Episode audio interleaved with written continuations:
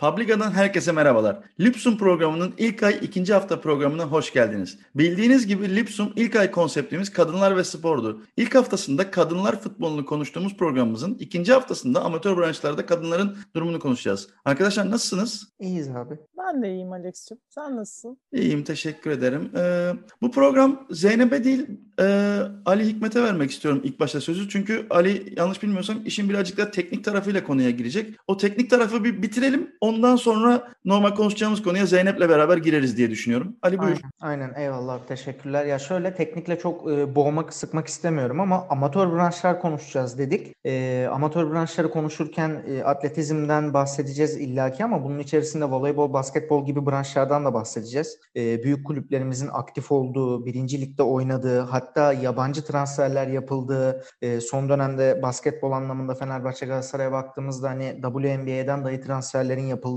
e, bir amatör branş var. E, dolayısıyla hani bir soru işareti olabilir. Ya bu insanlar para kazanıyor. Bunun nesi amatör? Niye bunu burada konuştunuz gibi. O yüzden orada bir kısa teknik açıklama vermek istedim. Ya şöyle profesyonel amatör branş ayrımı zaten hala tartışılan bir şey. Tartışılmaya da çok uzun yıllar devam edecek. Çünkü profesyonel sporcu bu işten para kazanan sporcu. Amatör sporcu da başka aktif işi olan ve bu işten para kazanmayan sporcu. Yani 1990 öncesi olimpiyat sporcuları gibi ya da e, kolej e, oyuncuları gibi Amerika'daki ama orada da şöyle bir ayrım, şöyle bir fark var. Amatör sporculara sağlanan bazı yardım ve destekler e, amatör spor olmasını engellemiyor. Aktif olarak maaş almıyorlar belki ama e, ekipman olsun, seyahat olsun, konaklama olsun, e, şampiyona giriş ücretleri vesaireler olsun bu gibi şeylerin ödenmesi, belli masraflar e, yapılması bunu amatör spor olmaktan çıkarmıyor. Normalde bir e, durumu, bir sporcuyu amatör sporcu olmaktan çıkaran şey bu işten maaş alması. E peki diyeceksiniz ki bu e, kulüplerin basketbolcuları, voleybolcuları maaş almıyorlar mı? Alıyorlar. Bu nasıl amatör spor?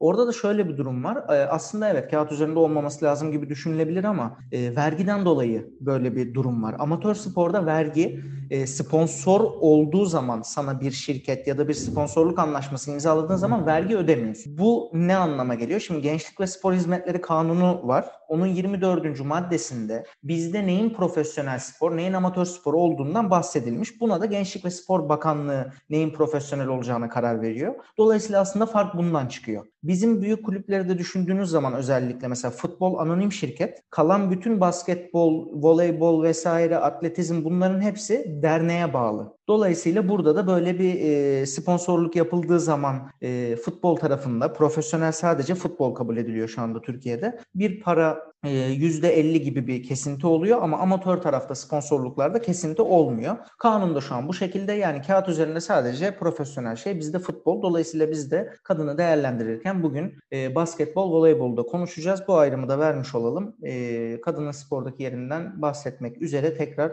topu size atayım. E, bu ayrımı verdikten sonra diyeyim. Çok teşekkürler. O, o zaman Zeynep sana verelim sözü. Sen buradan başla. Teşekkürler efendim. Şimdi geçen hafta e, programda da Türkiye'de ve dünyada futbol kültürünün içinde kendisine ittira kaktıra da olsa yer bulmaya çalışan kadınları konuşmuştuk. Bu hafta da aynı şekilde amatörlerin içinde yer almaya çalışan kadınları konuşacağız. Şimdi öncelikle ben kişisel olarak kadınlara çalışmak istiyorum. Ee, bunun içinde üyesi olduğum Galatasaray'da bir proje hazırladım. Projenin bir fizibilite raporunu hazırlamam gerekiyordu. Ve e, her ne kadar çok çok şeffaf bir kulüp olarak bilinse, bilinsek de sunulan raporlarda e, ihtiyacım olan verileri bulmak için kılı kırk yardım diyebilirim. E, amatörlerin, yani bu rapordan önce amatörlerin sadece bir bölüm benim ilgi alanımdı doğruya doğru. Bunların da işte tamamını böyle hani sportif faaliyetin gerçekleştiği tesiste takibi benim için zor diye yapmıyordum. E, ülkenin genel ilgi seviyesinin bana da sirayet ettiğini söyleyebilirim. Bir spor kulübüne üye olduğum halde tüm ilgim tek bir spora yönelmiş durumdaydı. E, bunun dışında da kendim geçmişte yüzdüğüm için biraz sporlarına merakım vardı. İşte artistik patinaj sevdiğim için biraz izliyordum falan. E, ama bunun da kendi kulübüm içinde bir yeri yoktu. E, basketten yıllarca bilinçli olarak uzak durdum ben. E, geçen hafta da bahsettiğimiz o bunun boyu uzun kesin basket oynasın türevi cümlelerle baskete zorlandığım için tam tersine itti beni diyebilirim spor. E, voleybolda sevdiğim halde işte ülkede bir kadın spor yapacaksa bunu yapsın mottosu yüzünden mümkün mertebe etrafından dolanmaya çalıştım. E, rapora geri döndüğüm noktada ben kadınlara işte bir proje yapmak için e, bizim amatörlerde kadın takımlarının durumunu araştırmaya koyuldum. E, arkadaşlar bizim raporlara baktığımda ben öyle bir durumun olmadığını gördüm. Yani şunu söylemeye çalışıyorum. Basketbol ve voleybol nispeten gelişmiş olduğu için bir miktar alt kırılım veriye ulaşabiliyorum raporların altında ama Diğer amatörlerde hiçbir veri segmentasyonu yok. Demografi hiçbir zaman bizim ilgi odağımız olmamış. E, ve tüm bu verileri irdelemediğimiz için, çalışmadığımız için de kendi hallerine bırakıp gelişmelerini beklemişiz. Her yıl işte böyle bütçe sapmaları yaşanmış. E, birbirini finanse edip durmuşlar bu e, diğer amatörler. E, 2020 için, genel kurulu için hazırlanan son rapora baktığımda 2021 için olan henüz daha çıkmadığı için söylüyorum bunu. E, son rapora baktığımda kulüpte toplamda 210 tane kadın sporcusunu görüyorum. E, bunun dışında da satranç, tenis, atletizm, binicilik, biriç, e-spor gibi şubelerde de altyapılı altyapılarda ya da şubenin içerisinde ne kadar sporcu olduğunu bilmeden e, üstün körü bir rapor hazırlamaya çalıştım açıkçası. Bu edindiğim rakamları da yine şey anlamayın hani bizde yüzde işte 50 kadın sporcu var 50 erkek sporcu var falan filan gibi bir şeyle verilmiyor bilinçle verilmiyor edinebildiğim o işte basketbol, voleybol tarafında da. Onlarda da oturup böyle tek tek isim saydım. Hani arada e, unisex isme falan denk geldiyse atladığım e, kadınlarımız bile olabilir maalesef. Onlarla birlikte işte 210 tane sporcu sayıyorum. Benim anladığım bu araştırmayı yaptıktan sonra benim gördüğüm gerçekten de Türk'ün simgesi bir kulüp olmuşuz biz. Ülkede kadına verdiğimiz önemi birebir kulübün içinde de görmüşüz yani kadının yeri yok diyebilirim. Ben sana burada biraz destek çıkayım. Yani muhtemelen benim anlatacaklarımın bir benzerini Ali de Fenerbahçe için anlatabilir. Beşiktaş'ta da bunun çok farklı bir şeyi yok. Yani biliyorsunuz ben bir branşta bir ara bir çalışma yaptım. O ara biz daha ilk böyle başladığımız zamanlar işte eski kimlere ne borcumuz var falan çıkalım derken muhasebeden ayrı, hukuk departmanından ayrı, finans departmanından ayrı, voleybol şubesinin kendi içerisinden ayrı bir şey geldi rapor. Hiçbirinin birbiriyle alakası yok. Ve e, şeyi fark ediyorsun sonra. Gerçekten e, kulüpler aslında bu branşlara o kadar da önem vermiyor. Sen bir şeyleri toplamaya çalışırken zaten aylar geçiyor, o oluyor, bu oluyor derken yani bizim herhalde kime ne kadar borcumuzu tam olarak ortaya çıkarmamız iki ay falan sürdü. Ondan sonra Zeynep'in dediği işte o altyapılarda işte spor okullarında vesairede kaç öğrenci var ne var onları çıkartalım noktasına geldik. Kapanan okulların raporu mu geliyor kapanmamış hala işte lisans hakkı olmayan okuldan başka bir rapor geliyor. Yani hiçbir şekilde hiçbir şeyin takibi yapılmıyor. Konu amatör branşlar olduğu zaman ve özellikle kadın amatör branşlar olduğu zaman şey yok sıfır. Hatta muhtemelen şöyle bir gerçek var. Takımlarımızda amatör takımlarımızda erkek basketbolun haricinde hiçbir takıma hiç kimsenin önem verdiği yok. Kim nereden oradan ne koparırsa bir şekilde çıkartmaya çalışıyorlar ve sonuç herkes için bir rezalet. Yani aslında baktım mı bu üç büyüklerin durumu kadınların, çocukların daha doğrusu kız çocuklarının gidip spor yapması için en güvenli, en sağlam yerler. Hani sen bir ebeveyn olarak çocuğun spor yapmak istediğinde ilk başta kime verirsin? Kendi tuttuğun takıma veya işte büyük bir kulübe değil mi? Ona güvenirsin. Bunu yapamıyoruz. Orada öyle bir sıkıntı var. Ee, çünkü değer verilmiyorlar. Şimdi ben buradan sözü Ali'ye vereceğim. Hem onların tarafındaki deneyimi alalım hem de onun bilgisini alalım. Sonra oradan da devam edelim. Ya şimdi şöyle bir şey var. E, madem voleyboldan başladık ben de o zaman e, bizim taraftan voleybol üzerinden örnek vereyim. E, şimdi tabii aktif olarak Fenerbahçe e, ciddi sponsorluk anlaşmaları imzalıyor uzun dönemdir. Bir Acıbadem'le birleşmesi olmuştu. Ardından Fenerbahçe Grundig oldu. Şimdi 2018'den beri Fenerbahçe Opet olarak devam ediyor. E, Şampiyonlar Ligi şampiyonluğu var. Bir sürü başarısı var. E, yani keza Beşiktaş'ın Balkan şampiyonluğu var. Bizde sadece voleybola yönelmiş Eczacıbaşı Vakıfbank gibi yani Vakıfbank'ın 4 Şampiyonlar Ligi şampiyonluğu var. Şu anda da aktif olarak e, yarı finaldeler. Tabii tabii yani şey baktım mı muhtemelen takım sporları içerisinde Türkiye'nin en başarılı olan takım sporları kadın voleybolu. Evet yani bütün takımlar özelinde e, bir şekilde bir hem yerden başarı geliyor. Hem milli takım bazında bu arada yani çift taraflı bu. Aynen öyle. Aynen öyle. Milli takım tarafında da öyle. Ya bizim şu anda aktif olarak 3 tane sporcumuz e, bugün dün itibariyle e, Nazay Demir Akyol da girdi buraya. E, Neslihan Demir, e, Nazay Demir Akyol ve Fenerbahçe'nin kaptanı e, Eda Erdem şu anda e, Şampiyonlar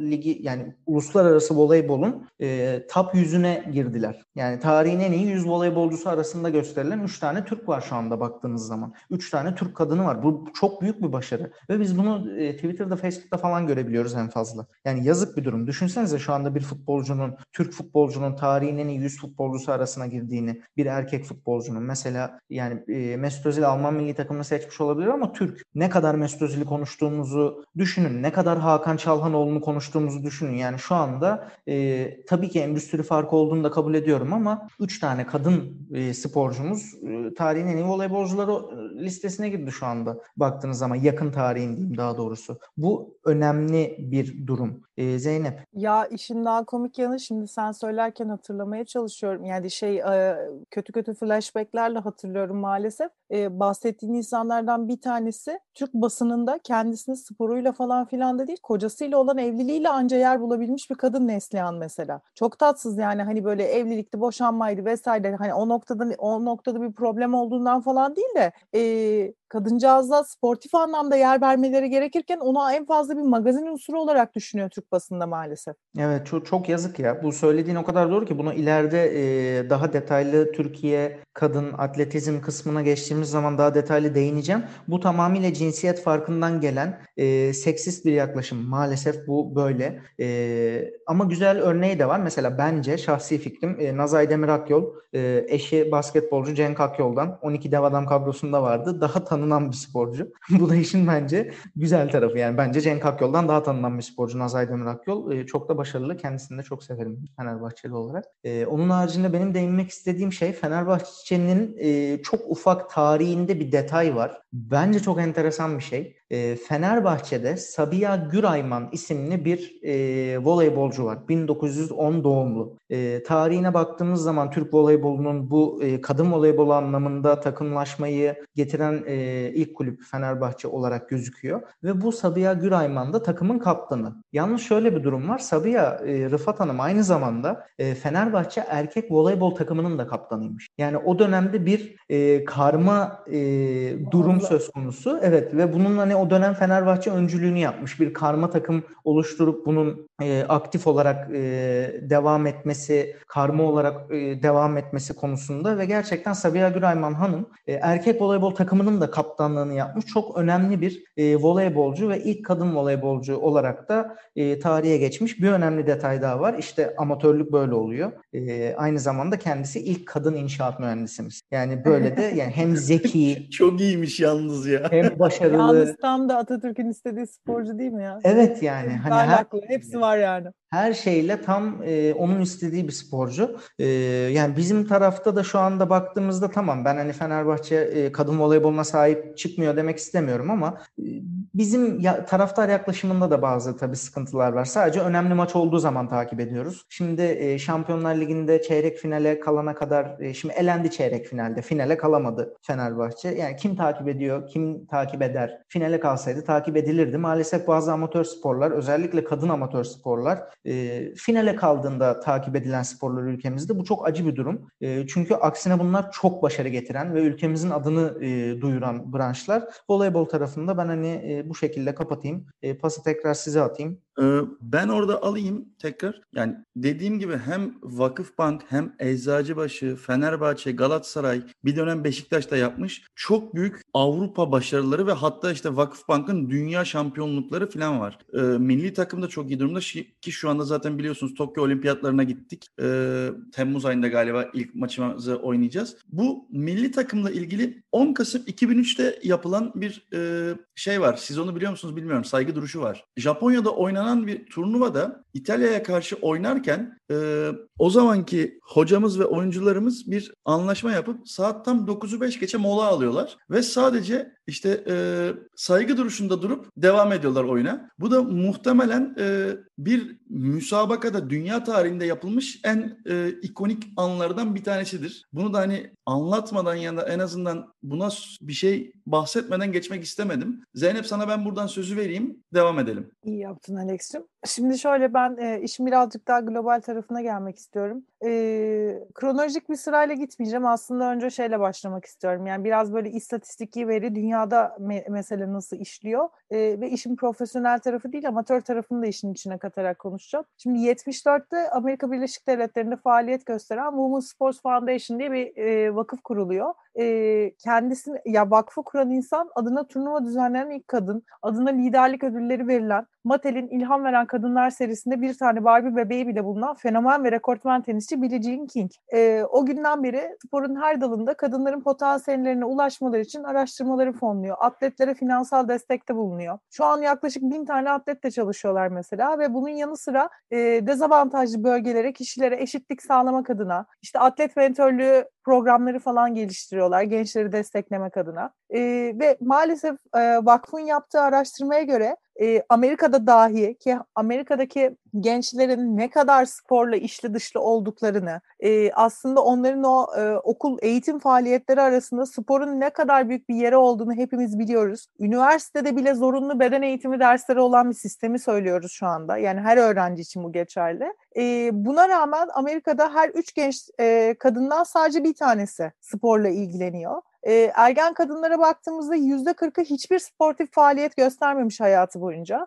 ve erkekler kadınlara göre toplamda yani ergenler arasındaki e, şeyde kıyaslamayı yaptığında erkekler kadınlara göre toplamda 1.13 milyon sportif fırsat yakalıyor daha fazla. Sportif bir başarı gösterebilmek adına. Çok daha fazla önler, önlerine kırmızı halı seriliyor demek bu İnanılmaz. erkeklerin. 1.13 milyon korkunç bir rakam yani aradaki farkı anlatmak adına. Ee, Amerika ve Avrupa'da buna benzer başka vakıf ve dernekler de var. Ee, onları da kontrol ettim. İstatistikler aşağı yukarı aynı. Yani işte bu üç genç kadından sadece birinin sporla ilgilenmesi Avrupa'nın ülkelerinde de aşağı yukarı aynı. Ee, işte yüzde kırkının hiçbir hayatında sporun yer almaması Avrupa'da falan filan da aşağı yukarı aynı. Ee, bu gibi gelişmiş ülkelerde bile kadınların yarısının sporla hiçbir ilgisi yok durumunda bizim durumumuz hele hiç hiç iç açıcı değil. Ee, öyle bir ülkede yaşıyoruz ki maalesef e, kadın amatöre bir sponsor bulunduğu zaman yani kadın amatör takımına bir sponsor bulunduğu zaman kulüplerin önce erkek takımına para versin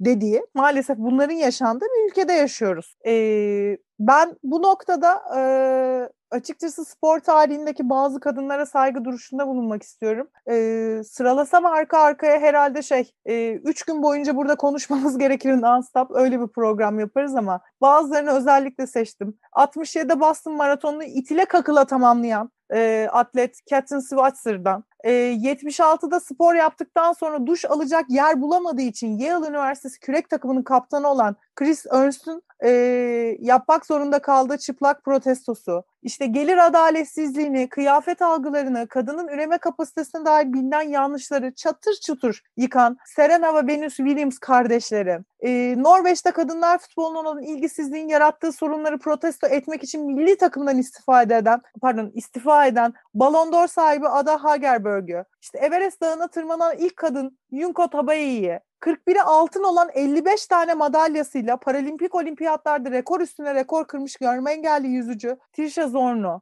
Rutininde kullandığı müzikle Grammy dahi kazanan, yani bırakın spor ödüllerini kazanmayı bir de Grammy kazanan e, jimnastikçi Nadia Comaneci'yi, e, 1926 yılında Atlantik Okyanusu'nun sularını atlayıp İngiliz kanalını yüzerek geçmiş 21 yaşındaki Gertrude Ederle'yi, e, bunları anmadan ben spor tarihinden bahsedebileceğimizi düşünmü- düşünemiyorum açıkçası. Spor tarihi baştan aşağı muazzam kadınların hikayeleriyle dolu. E, ama maalesef kadınlar fiziksel aktivitede bu kadar başarılı olabilirken istatistiklerde olabildiğince geri kalmalarının da tek bir cevabı var. Toplumsal cinsiyet rolleri. Ben alayım mı cinsiyetten ya buradan? Çünkü o kadar güzel yere getirdin ki yani şu e, saydığın isimler olsun, e, organizasyon olsun çok doğru oluşumlar var. Amatör tarafında e, kadın erkek fark etmez. Türkiye'de de hani hep işte ya destek destek destek. Abi futbol dışında her şey amatör. Daha ne desteği bekliyorsun bir kulüp olarak mesela? Hani biraz da sen elini taşın altına sokacaksın. Ha burada elini taşın altına sokan kulüplerimiz de var. Haksızlık da yapmak istemiyorum. E, saydığım başarılı isimlere e, Türkiye'den de bir sürü örnek vereceğim. E, mesela Elvan Beylegese hepimizin tanıdığı, e, olimpiyatlarda bize madalya e, kazandıran e, bir insan kendisi onun haricinde baktığımızda Karim Melis May mesela transfer. Ben buraya parmak basmak istiyorum bu önemli. Fenerbahçe transfer etti Karim Melis May'i. Uzun atlamacı, milli atlet. Ee, onun haricinde Nevin Yanıt, Aslı Çakır Attekin bunların hepsi bir sürü atlet ismi var. Ee, baktığımız zaman kendi yakın tarihimize de. Geçmişten de var. Ee, bunun da burada benim e, parmak basmak istediğim şey bizim bu başarılı atletlerimizle ilgili çıkan dedikodular. Biraz da aslında bu Zeynep'in e, Neslihan Demir, Neslihan Darnell'le ilgili e, verdiği örnekten ilerlemek istiyorum. Bu sadece e, onun özelinde yaşanan bir şey değildi. Maalesef bu cinsiyetçi yaklaşım, senin istatistiklerle globalde ortaya koyduğun cinsiyetçi yaklaşım, duygusal anlamda sahip çıkmak konusunda da karşımıza çıkıyor. Bir erkek Türk atlete, bir erkek Türk sporcuya, futbolcuya ne yaparsa yapsın, e, hani detaylarına girmek istemiyorum ama arabayla kaza yapsın, e, hastane bassın, barda kavga etsin, e, ne yaparsa yapsın, gece hayatı olsun, eşini aldatsın, e, durmadan antrenmanlara alkollü olduğu için geç kalsın. Yani bunların hepsi yaşansın ama sahada çıksın, mücadelesini versin. Biz taraftar olarak e, o e, sporcuya gidelim sahip çıkalım. Eşini döven sporcuya, hamile eşini döven sporcuya sahip çıkalım. Neden? Sağ dışı bizi ilgilendirmez değil mi? Sağdaki oyununu düzgün tuttuğu sürece, katkı sağladığı sürece profesyoneldir. Ne yaparsa yapsın biz ona sahip çıkalım taraftar olarak değil mi? Peki bu kadına geldiği zaman ya şimdi Süreyya Ayhan ya olimpiyat şampiyonu olamaması, dünya rekoruyla olimpiyat şampiyonu olamaması e, ülke olarak içimizde ukde kalması gereken bir durum bence. Yani Süreyya Ayhan'ın başına gelenler e, yani doping meselesi var. Şimdi 2003'te Paris'te şampiyonaya katıldığı zaman Süreyya Ayhan öyle bir geliyor ki derecelerini arttıra arttıra Türkiye'de kazanmadığı yarış bırakmayarak Avrupa şampiyonu, dünya şampiyonu ne dersen de geliyor oraya orada şampiyon olacak. Rekor kıracak bu Süreyya Ayhan. O şampiyona da rekor kırıp 2004 Atina olimpiyatlarına öyle bir gidecek ki bize altın madalya getirecek. Daha ötesi yok çünkü. Yani daha iyisi yok o, onun e, yarıştığı dalda ve barajda. Ama Süreyya Ayhan e, efendim 2003'te Paris'te e, bir hezimete uğruyor. Yani her sporcunun yaşayabileceği gibi. Yani biz Türk takımları yine futbola dönüyorum. Erkekler kaç kere Avrupa'ya gidiyoruz da bir tane elle tutulur başarımız var yok adam gibi. Yani ne oluyor sonra? Dönüyoruz. E, tekrar destek hadi baştan. E, Süreyya Ayhan ne oldu? Bir kere yarışı kaybetti diye ilk başlayan şey Süreyya Ayhan'ın eşi, antrenörü e, Yücel Kop'la olan ilişkisi. Bütün Türkiye bunu konuştu. İşte antrenörüyle ilişkisi var zaten de antrenörü evli de e, çocuğu var da işte bundan daha önce bu beklenir de şu olur da bu olur da hemen bu oldu. Bu arada Ant- bunları muazzam derecede etik ahlak kumkuması bir toplum olduğumuz için de konuşmuyoruz ha. Gıybete, etli gıybet o yüzden hoşumuza gidiyor. Tabii on, ondan kaybettik yani. Hani o öyle bir şey. Sonra antrenör de çıktı dedi ki eşi regl dönemine denk geldi ondan böyle oldu. Bu sefer bunda daha çok tartışmalar büyüdü. Bu sefer daha çok tepki geldi vesaire. Ya abi yani bu kadın değil de erkek olsaydı e, yani bize bu kadar başarılar kazandırdın helal olsun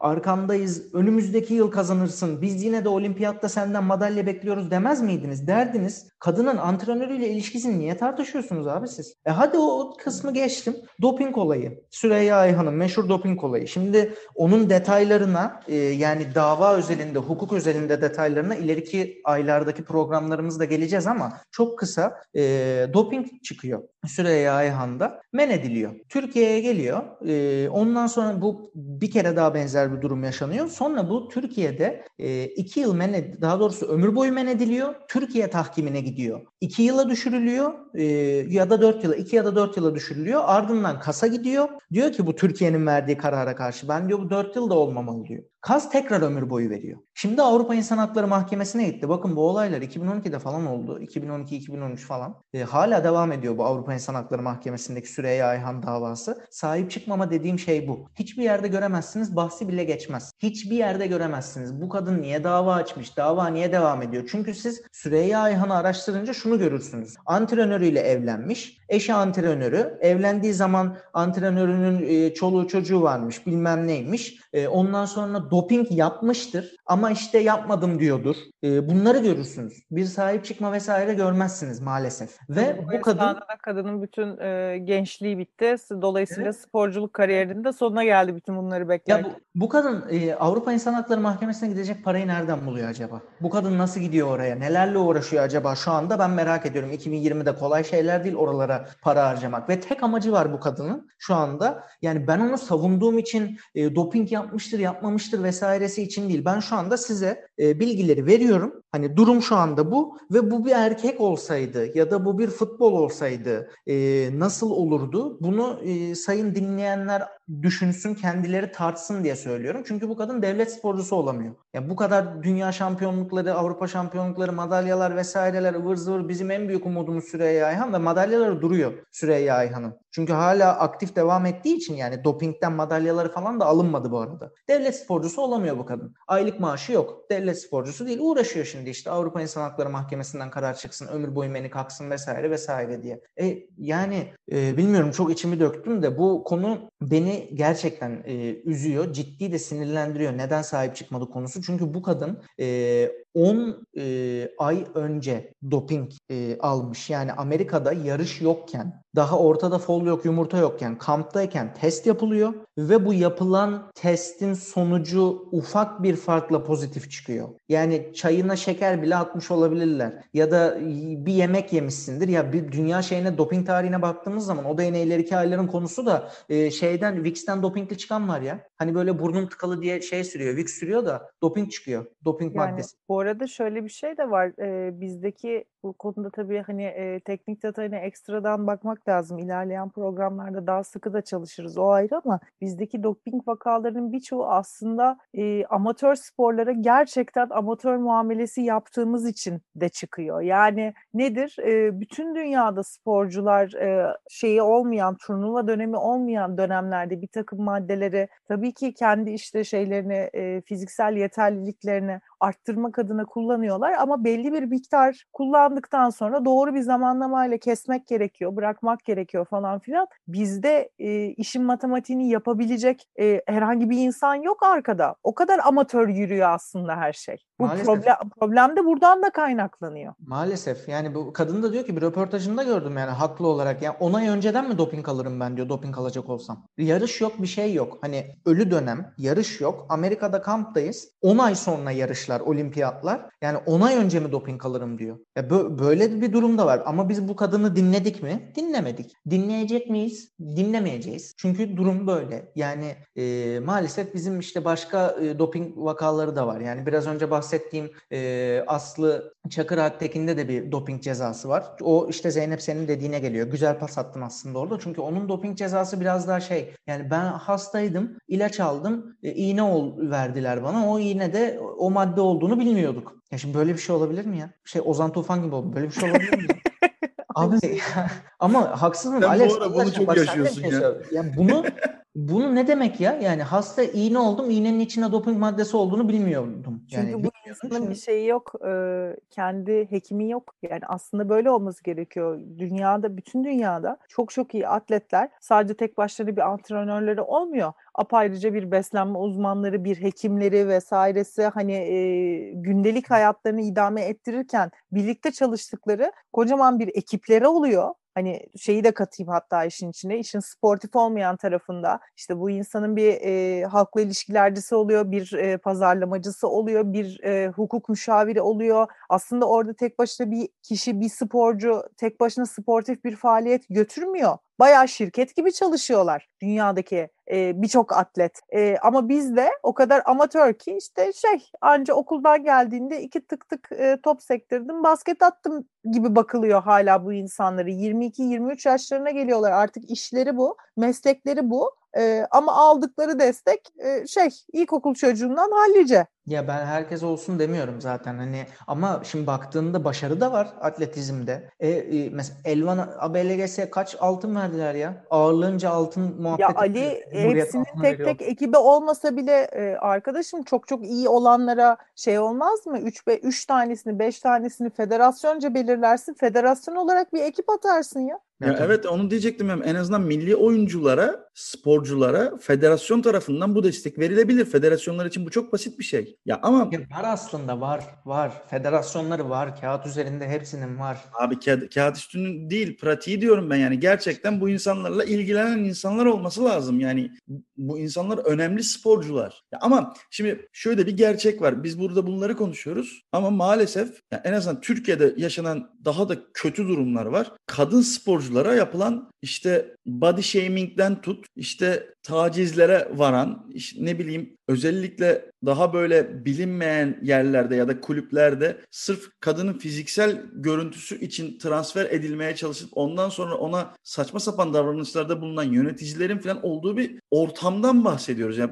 bu kızcağızlar bir de böyle insanlarla uğraşıyorlar spor yapmaya çalışırken. Ee, bunlar bir de profesyonel ola, olabilenleri, onun tabii, daha tabii. öncesinde daha üniversite çağındalarken ya da lise çağlarındayken bilmem ne e, bazı e, ortamlarda bu kızlara neredeyse eskort muamelesi yapıldığını biliyoruz. E, bunun dışında senin de dediğin gibi ekranlarda izlediğimizde body shaming'e maruz kalıyorlar. Nedir bu? İşte bir voleybolcu kısa şortunun altında selüliti gözüküyor diye bundan sporcu mu olur? Olur abi bu fizyolojik bir olay, genetik bir mesele. İstediği kadar doğru beslensin, istediği kadar şey yapsın, e, antrenman yapsın. Genetiğinde varsa olur. Çok normal. Yaşıyla birlikte belli şeyler ortaya çıkmaya başlayacak yani. Ya da e, yani bu şey de değil bu arada konuştuğumuz konu. Yani selülitü konuşuyorsak eğer. Sporuna katkısı ya da dezavantaj yaratan bir durum değil. Hani atıyorum bir yüzücünün omuzlarının yeterince geniş olmaması, dolayısıyla kapasitesinin azalması gibi değerlendirilebilecek bir konu da değil. Ama bunu konuşuyoruz çünkü magazine bayılıyoruz abi.